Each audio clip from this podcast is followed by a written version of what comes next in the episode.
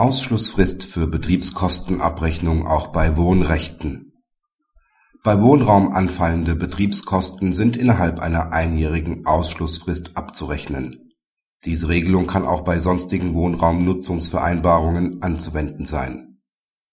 Die Klägerin ist Inhaberin eines dinglichen Wohnrechts. Nach der schuldrechtlichen Abrede muss sie sich an den Betriebskosten beteiligen. Für das Jahr 2006 wird die Abrechnung durch den beklagten Grundstückseigentümer formell falsch Ende 2007 überreicht. Den Abrechnungsbetrag zahlt die Klägerin unter Vorbehalt und fordert in 2008 Rückzahlung. Im Lauf des Verfahrens erstellt der Grundstückseigentümer eine neue, zutreffende Abrechnung. Soweit sich daraus ein Anspruch der Klägerin ergibt, erkennt er diesen an.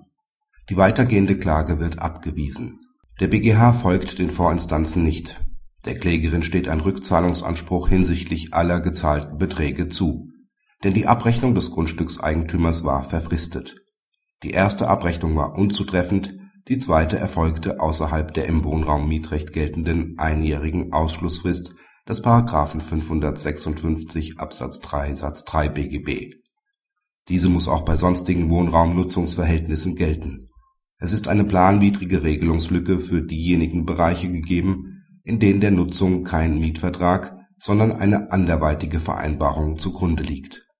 Dabei ist nicht auf das dingliche Nutzungsrecht, sondern auf die daneben bestehende schuldrechtliche Abrede abzustellen. Diese Abrede, die die Betriebskostenzahlungspflicht begründet, begründet eine dem Wohnraummietvertrag vergleichbare Situation.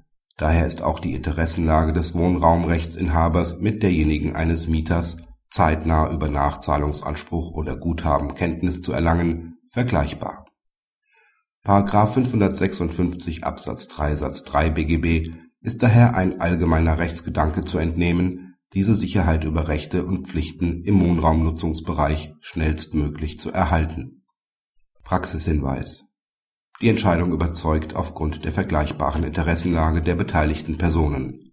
Maßgeblich ist insbesondere die schuldrechtliche Abrede, die Beteiligung der Parteien, die das Nutzungsrecht dem Mietverhältnis vergleichbar macht